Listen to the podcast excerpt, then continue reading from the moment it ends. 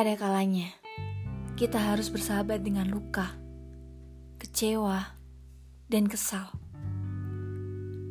Ada kalanya semua yang kita rasakan cukup kita pendam dan tak membiarkan seseorang pun untuk mencampurinya. Kita yang tahu mengenai hal apa yang membuat kita lega,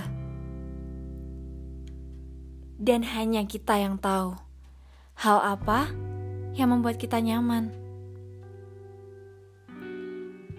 Berekspektasi terlalu tinggi adalah hal yang ampuh untuk membunuh hati serta pikiran kita.